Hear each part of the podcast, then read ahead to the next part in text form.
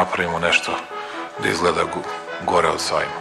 Moram da smislim to i da pitam Kineze. I've today left hospital after a week in which the NHS has saved my life. Ne mogu da verujem da narod koji je preživao sankcije, bombardovanje, svakojako maltretiranje će se uplašiti najsmesnijeg virusa u istoriji čovečanstva koji na Facebooku postoji.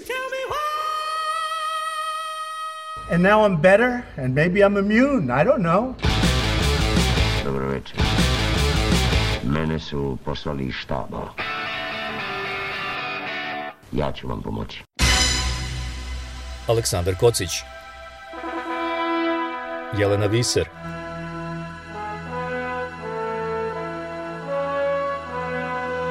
Radio Karantin Hronika istorije u nastajanju We are saying don't go to work, go to work. Don't take public transport, go to work, don't go to work. Stay indoors. If you can work from home, go to work. Don't go to work. Go outside, don't go outside. And, uh, and then we will or won't uh, something or other. Britanski komičar Matt Lucas parodira premijera Borisa Johnsona u vezi sa porukama građanima kako da se ponašaju i koja pravila da poštuju tokom pandemije COVID-19. Dobrodošli u još jedan radio karantin, sa vama su Aleksandar Kocić i Jelena Fiser. Koliko poznajemo, razumemo, prihvatamo i poštujemo pravila koje vlasti uvode da bi sprečili širenje zaraze. U današnjoj emisiji tražimo odgovore na ta pitanja. Čućete izveštaje o tome kako se mere poštuju ili ne poštuju u Španiji, Srbiji, Bosni i Hercegovini i Nemačkoj. Španija trenutno vodi na evropskoj crnoj listi broja zaraženih u drugom talasu epidemije. Vlada je ovih dana ponovo uvela vanredno stanje, ali više u nameri da disciplinuje pojedine regije nego da bi vraćala na snagu policijski čas kakav je bio u prvom talasu. O tome za Radio Karantin govori Maja Vasiljević sa Španskog državnog radija svakoj autonomiji su drugačije mere. Znači, to su autonomne pokrajine, imaju prebačene e, kompetencije za zdravstvo, prebačene kompetencije za e, edukaciju. Znači oni sve rade šta im pada na pamet, ništa se ne e, ništa ne zavisi od, od za te dve tako važne stavke od vlade. U Madridu su bili uveli vanredno stanje na silu jer e, predsednica Madrida nije htela da ni, ništa radi, htela je samo da e, zatvori, da, da, da zabrani da se kreću ljudi iz južnih delova Madrida. Centar Madrida nije htela da dira, to su njeni glasači, ona tu nije htela e, da interveniše uopšte, posebno ne u biznise. Sada je izmislila da će da napravi e, curfew, znači ako je do sada bilo zatvaranje barova i restorana u 11 uveče, da će ona da napravi curfew u 12. Znači sve su neke mere kao protiv pameti, a cifre rastu. Pritom E, tu se i, i mulja sa tim ciframa, ne javi se na vreme, to sve ide, tako je to sve poseckano po tim pokrajinama. Jedno oko je uvek u Evropi. Kada ide da će Evropa da udari ono pesnicom od 100, onda se oni malo trgnu. Da li ljudi generalno poštuju mere i nose maske, drže distancu, pošto su Španci, inače ja sam isto živeo u Španiji dugo, Španci su ljudi koji vole puno da se druže, koji stalno je fizički kontakt, stalno se ljubakaju, grle, tapšu. Da li su se navike promenile? Body contact je ovde užasno važan, ali um, postoji jedan deo ljudi, posebno starijih, koji su naravno jako uplašeni i koji sve mere poštuju. Mi koji smo adults, veliki broj nas to poštuje i onda ima jedna manjina i posebno e, studenti koji ne poštuju ništa, znači mladi ljudi koji se osjećaju besmrtnima maske se nose, one su obavezne i ako ti ne vidiš uopšte na ulici ni policiju, ni Guardia Civil, uopšte ne vidiš nikakvu kontrolu. E, ove se mere sad uvode upravo zbog tih koji ne poštuju, jer je zdravstvo počelo ponovo da podlaže. Znači ima i su više ljudi na intenzivnoj nezi, otkazuju se operacije koje su zakazane odavno hroničnim pacijentima, e, samo se primaju na hiruške intervencije pacijenti s karcinomima i ostali svi čekaju i mnogi umiru. I kad izađete na ulicu tu u komšiluku, kako izgleda? Ljudi poštuju mere, se drže, su disciplinovani? U svakom slučaju da distanca se drži. Apsolutno. I naravno, na svakom ćošku imaš onaj gel gde god uđeš. Hm? Ali u jednom supermarketu te puste i, to je ovako gužva. A u drugom supermarketu hm, jedna, e, jedna osoba samo se brine o tome da tim gelom izbriše znači onda gde se hvataš za, za kolica i sve to. Znači radi svako šta zna i šta mu najbolje padne na pamet.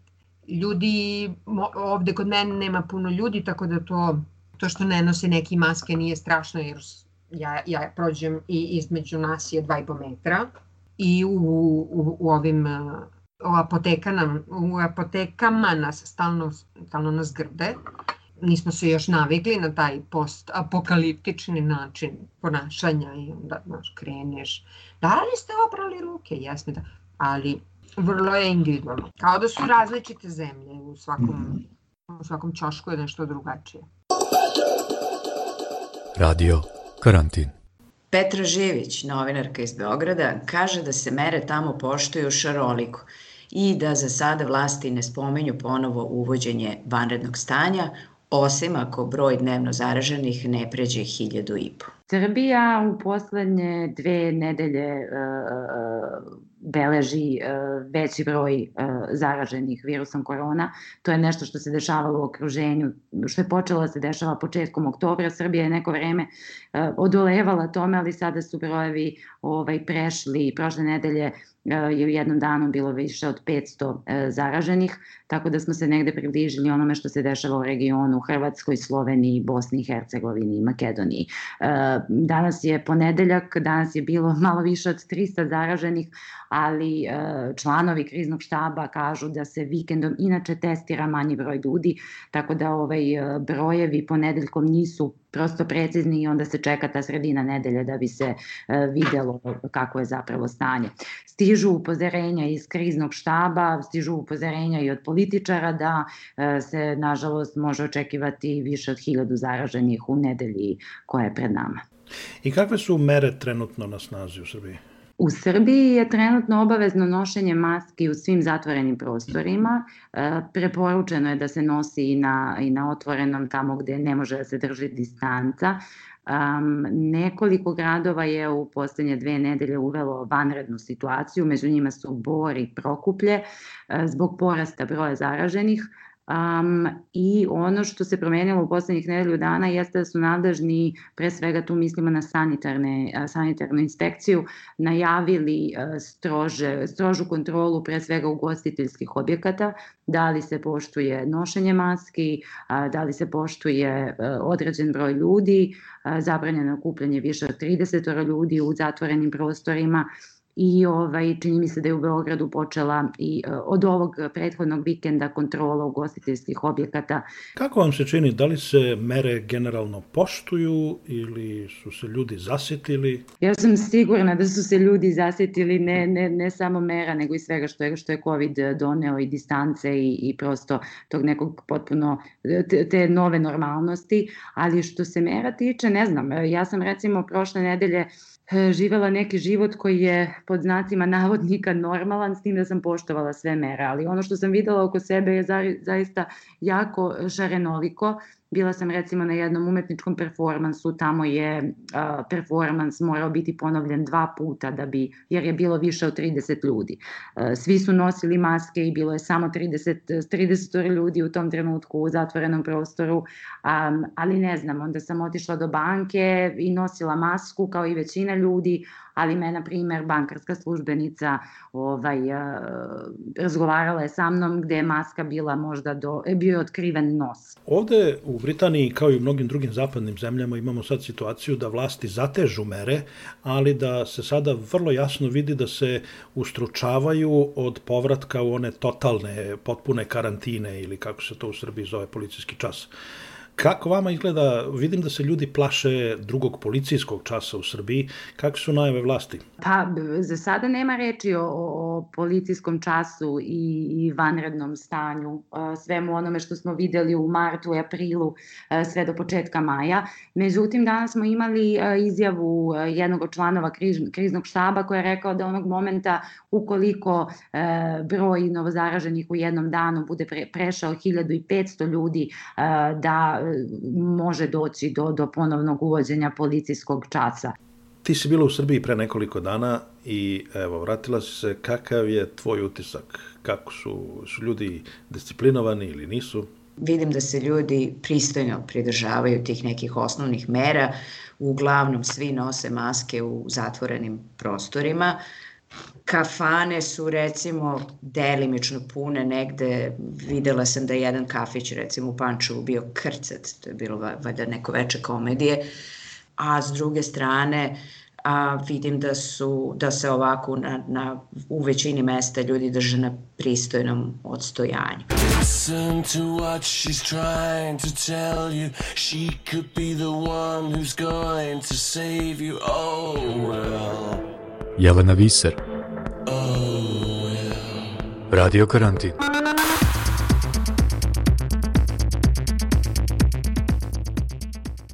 E sad naravno ima tu i tamo slučajeva gde um, ljudi čak i onako i agresivno um, pokazuju taj svoj antimaskerski stav a, i zalažu se u svakoj prilici u tom nekom najobičnijem kontaktu i sretanju a, pokazuju antagonizam prema tim merama, ali kažem, mislim da, da je onako generalno slika pozitivna. Kaži mi, pošto ti ne živiš dole kao ni ja, kad si se videla sa ljudima, jesu krenuli svi da probaju da se ljubakaju ili nisu? Krenuo je jedan poznanik da se zaleće, ove, da se izljubimo tri puta, međutim ja sam fino ukočila ruku i zaustavila ga tako da se na rukovanju zaustavilo, a i to me malo negde zabrinulo. Mislim da manje. Bila sam ja u Srbiji i u avgustu, krajem avgusta, I tad zaista nisam mogla da izbegnem, pogotovo s tim nekim bliskim kontaktima. Tu smo se srdačno i grlili i pozdravljali i tapšali. Ove, međutim, sad je nekako drugačije. Odustali su malo od tog ljubakanja, mislim. Za to vreme u Bosni je sve više zaraženih, a situaciju izgleda dodatno komplikuju i političari fokusirani na kampanju za predstojeće lokalne izbore. O tome i Sarajeva za radio Karantin izveštava Mladen Obrenović. Brojke svakoga dana rastu, brojke su zabrinjavajuće i brojke ukazuju da se pandemija ne smiruje, da se širenje korone zapravo nikako ne zaustavlja i budući da vlasti na različitim nivoima dakle upravljaju različitim sistemima poput sistema obrazovanja, ali konkretno evo ono što je što je najavljeno i što je zapravo posljedica širenja pandemije jeste najava vraćanja učenika kući odnosno na online nastavu. Do sada je to bilo od početka školske godine neka kombinacija, otprilike 7 dana su u školi, 7 dana su kod kuće, međutim sada će u potpunosti ih prebaciti da na ovaj, tako da kažem, kućni režim rada kakav je bio i na početku tiranja koronavirusa tamo negdje u martu. Što se tiče recimo saobraćaja, odnosno javnog saobraćaja, traži se poštivanje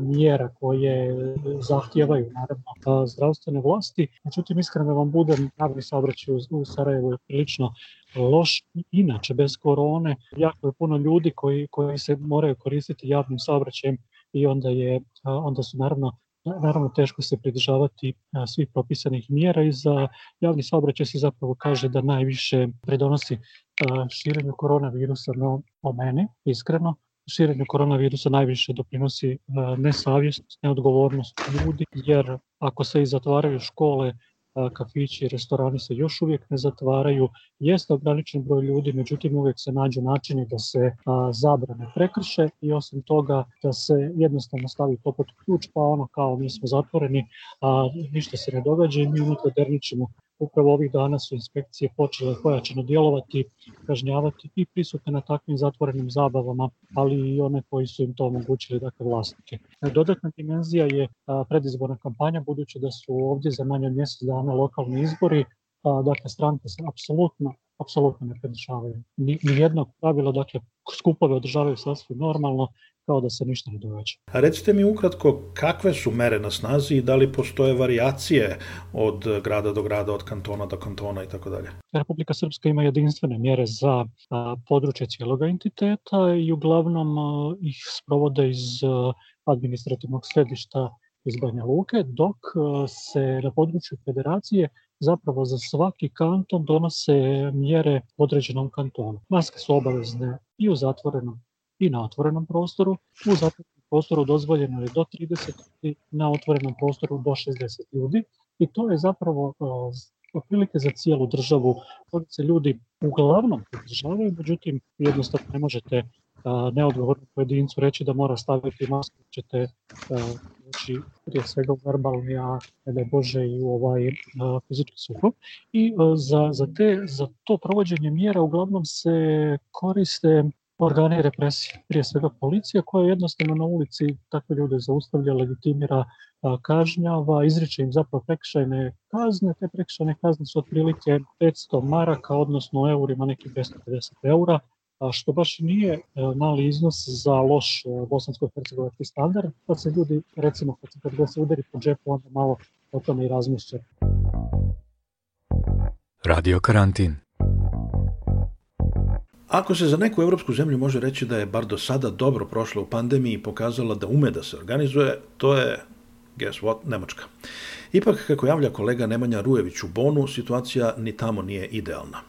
Trenutno e, brojke registrovanih novozaraženih e, rastu, naslovi u medijima kažu dramatično, kažu strašno, međutim, e, istina je da su zapravo te brojke neuporedive sa onima na početku pandemije, Tako da je smešno sada govoriti o nekim rekordima. Zbog čega? Zbog toga što se danas testira daleko više. Nemačka prednjači u, u celoj Evropi, a možda i u svetu, e, po broju kreveta intenzivne nege. Samo 20.000 njih je samo za COVID spremno u svakom trenutku ili može da se brzo e, priredi e, a kao što rekoh, zauzeto je manje od 1000. Dakle, bolnice kažu da dočekuju ovaj drugi takozvani talas mnogo spremnije, nema ne manjka e, opreme, a sa druge strane e, građanstvo koje je izloženo stalnoj psihozi i stalnim apokaliptičnim porukama, evo već sedam meseci, je koliko ja već vidim počelo ponovo da kupuje toalet papir, sredstva za dezinfekciju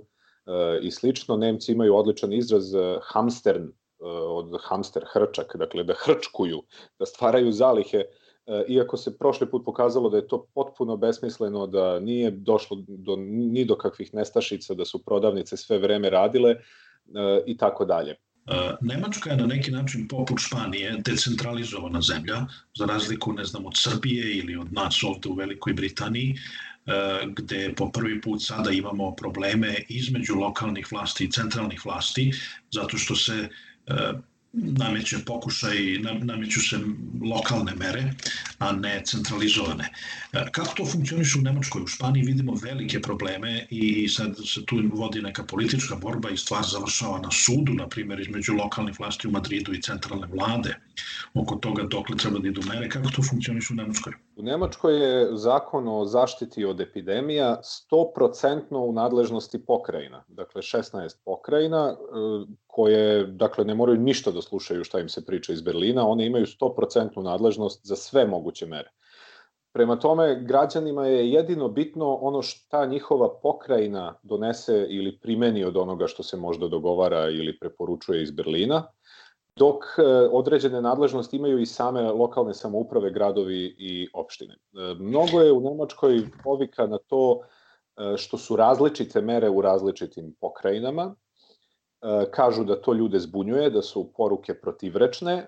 Ja se samo do nekle slažem, naime, recimo, mene ne zanima šta je u e, Rheinald-Pfalzu, mene zanima samo šta je u Severnoj Rajni-Vestfaliji gde ja živim. Kako vam se čini koliko se mere poštuju?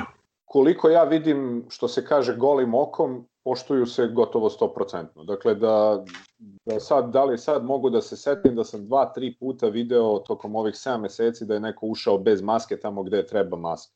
Pa ga nekad opomenu, a nekad ga tolerišu ovo neke lokalne, recimo fast foodovi i tako, pa svi se znaju, pa kao ajde. Znači, onaj stereotip o Nemcima kao disciplinovanim građanima ovde praktično drži vodu. Tako je, s tim što kad biste vi čitali nemačke medije, mogli biste da steknete suprotan utisak, ali i po anketama ljudi podržavaju mere e, i nema toliko prekršaja. Na početku je bilo e, probuđen je denuncijant u vrlom nemačkom građaninu, dakle onaj koji prijavljuje komšiju kad ne znam šta ili kad vidi nekog bez maske ili kad vidi da se neko kreće gde ne treba, on onda uzme pa prijavi lepo policiji. To se uh, proredilo.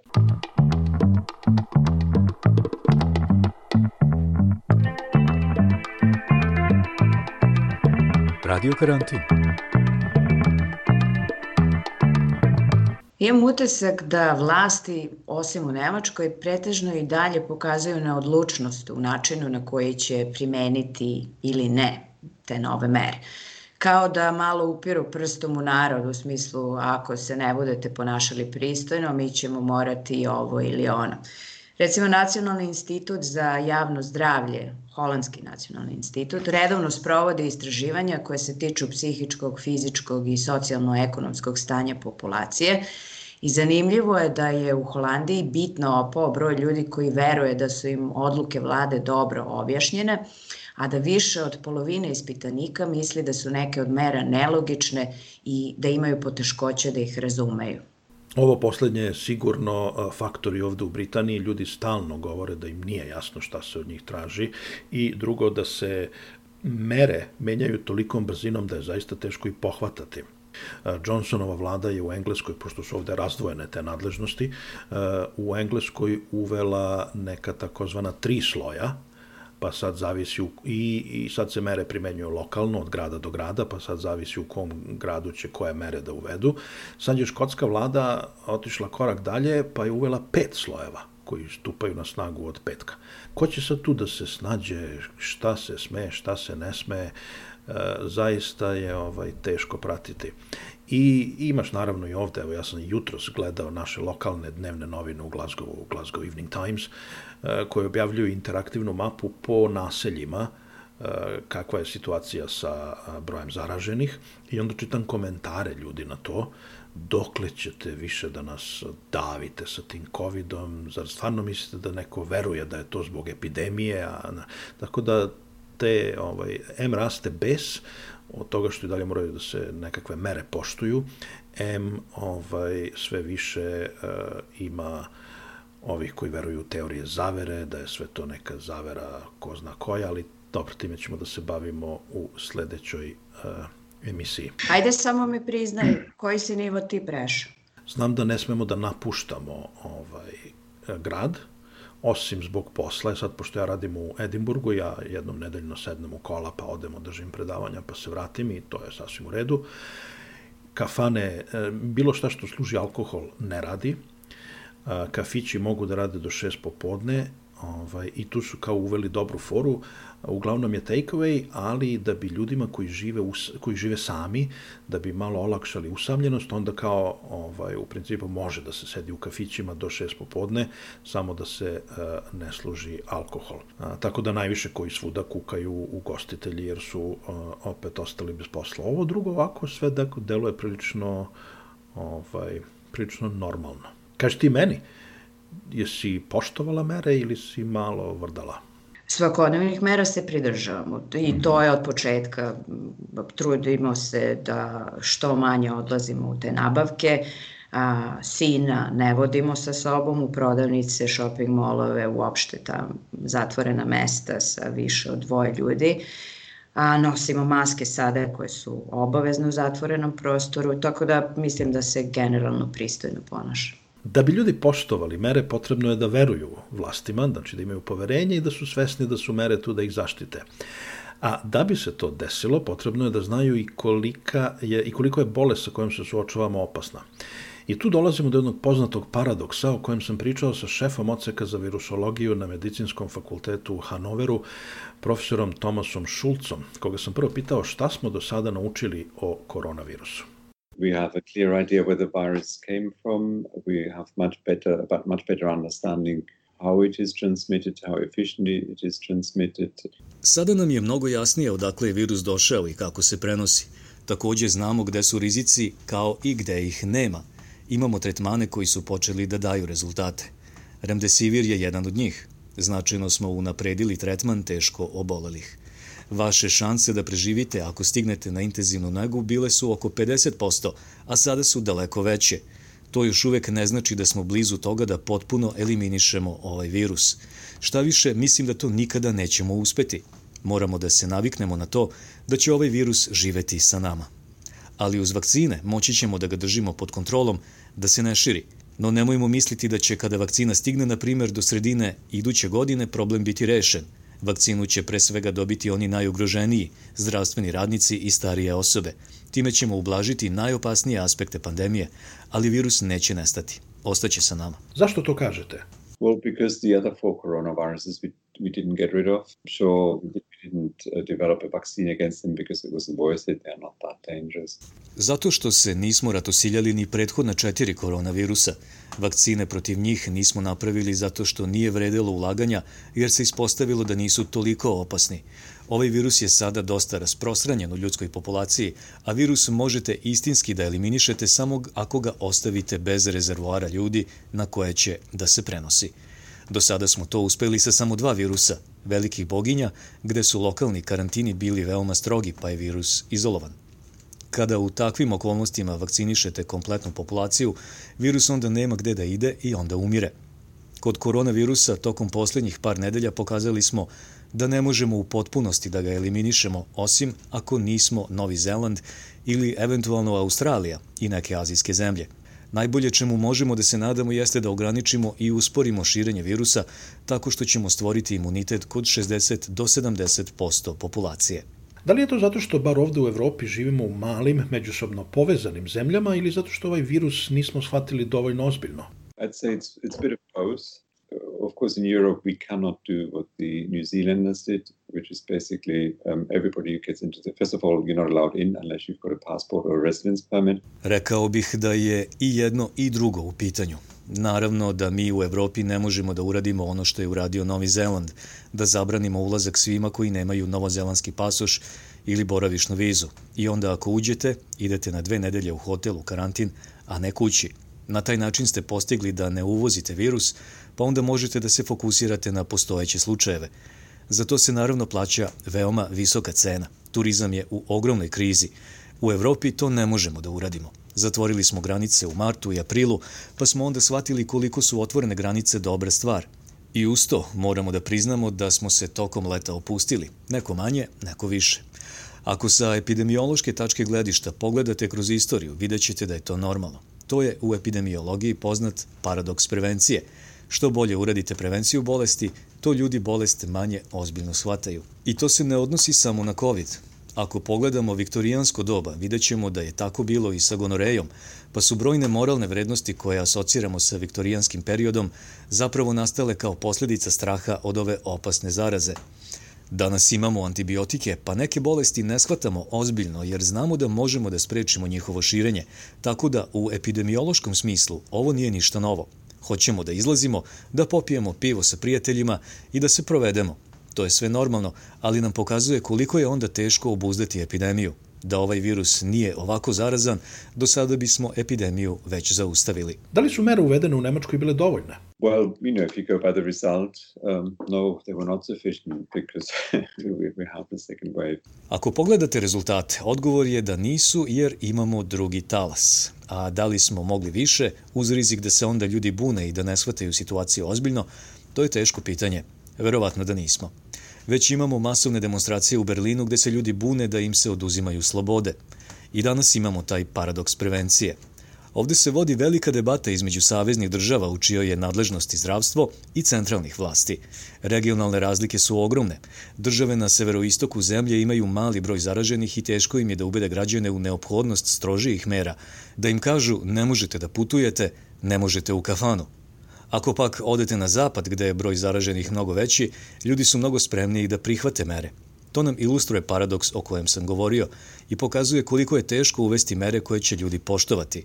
Da smo ove mere koje sada imamo uveli pre tri ili četiri nedelje, naravno da bismo imali bolju situaciju, ali to nije uvek lako. Ja sam član jednog savetodavnog odbora u regionalnoj vlasti gde stalno o tome diskutujemo. Ako ljudi nisu spremni na strožije mere, onda te mere možete da zaboravite. Čuli smo profesora Šulca kako kaže da od mera nema ništa ako ih ljudi ne prihvataju. Dakle, da se one ne mogu nametati. I to izgleda upravo vidimo u Italiji gde su izbili neredi u nekoliko gradova. Građani protestuju protiv novih mera koje uvodi italijanska vlada. I tu se vraćamo na temu sa početka ove globalne krize. Koliko veliko žrtvovanje se od nas očekuje. Branko Kolarić, član Hrvatskog kriznog štaba, je pobornik primene strožijih mera i smatra da takve mere moraju biti obavezne, a ne na nivou preporuke. Nemamo izbora nego držati se mjera prevencije koje su jednostavne. Izazov je kako iskomunicirati to u smislu, ja imam dojam tu kod nas se stalno se govori u javnosti kako smo iscrpljeni od mjera, koliko nas, dakle imate pokrete cijele koji kaže evo opresivna država, mjere. Mi ovdje imamo od mjera jedino što je u Hrvatskoj, ja mislim sada zatvoreno na državnoj razini je da su noćni klubovi i barovi do ponoći rade i da su maske obavezne u nekim zatvorenim prostorima. I to je sve od mjera. Tako da ja ne vidim drame oko toga, razumijete, koja se stvara. Dakle, to je, to je izazov kako tu dramu smiriti, jer kad negiramo problem i pravimo se da ga nema, neće nas zaobići. Ne? Dakle, kad bi 60-70% ljudi se pridržavalo distance, e, nošenja maski, kad nema distance i tih par osnovnih stvari, mi bi prekinuli ovo širenje bolesti. Da li je onda javnosti dobro objašnjeno kojih mera a, bi trebalo da se pridržavaju? Ja ću prvenstveno komentirati situaciju ovaj, u Hrvatskoj. Dakle, u javnosti komuniciraju se mjere, ali ima, kako je ovo glavna tema, odnosno bila jedina tema nekoliko mjeseci, sad ima nekih drugih, dakle uvijek su sve informativne emisije započinjale sa koronom i onda je tu i ja kad razgovaram sa vašim kolegama iz medija, kaže trebamo čut više strana, samo mediji treba biti nepristrani, ali po meni ovo je stručno pitanje, ovo je pandemija i nije stvar rasprave za javnost u toj mjeri koje onda sabotira pridržavanje mjera. U ovom smislu jesam za čvršći pristup vlasti kad pogledamo i recimo Angelu Merkel da ona vrlo jasno komunicira ozbiljnost i kako se treba ponašati i za opresivne mjere za nepridržavanje. Dakle, opresivne u smislu ovog. Ja sam za to da se propišu kazne za one koji se ne pridržavaju, da mjere budu obavezne, ne preporuke. Branko Kolarić, član kriznog štaba za borbu protiv pandemije u Hrvatskoj. Jedna stvar je izvesna, čekaju nas teška jesen i verovatno strožije mere. Za sada se uočava matrica po kojoj vlasti u velikom broju zemalja prave zaokret u odnosu na prvi talas pandemije i pribegavaju lokalnim merama kako bi suzbile širenje zaraze tamo gde je ono najveće i kako život i ekonomija ipak ne bi stali. U tatvoj strategiji otvara se prostor za politička prepucavanja između nacionalnih i lokalnih vlasti, što nikako nije dobro. Ostajte nam zdravi, nastavite da živite normalno koliko je to moguće i slušajte Radio Karantin. Pozdravljaju vas Jelena Fiser i Aleksandar Kocić.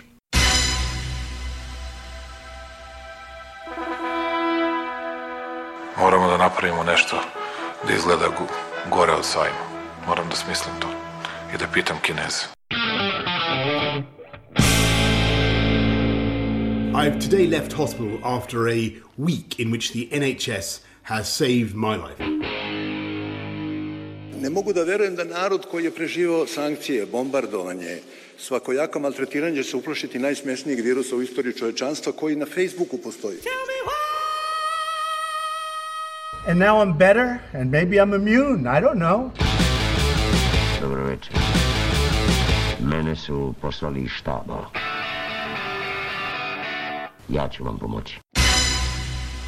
Aleksandar Kocić. Jelena Viser.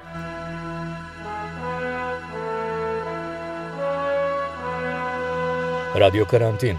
Hronika istorije u nastajanju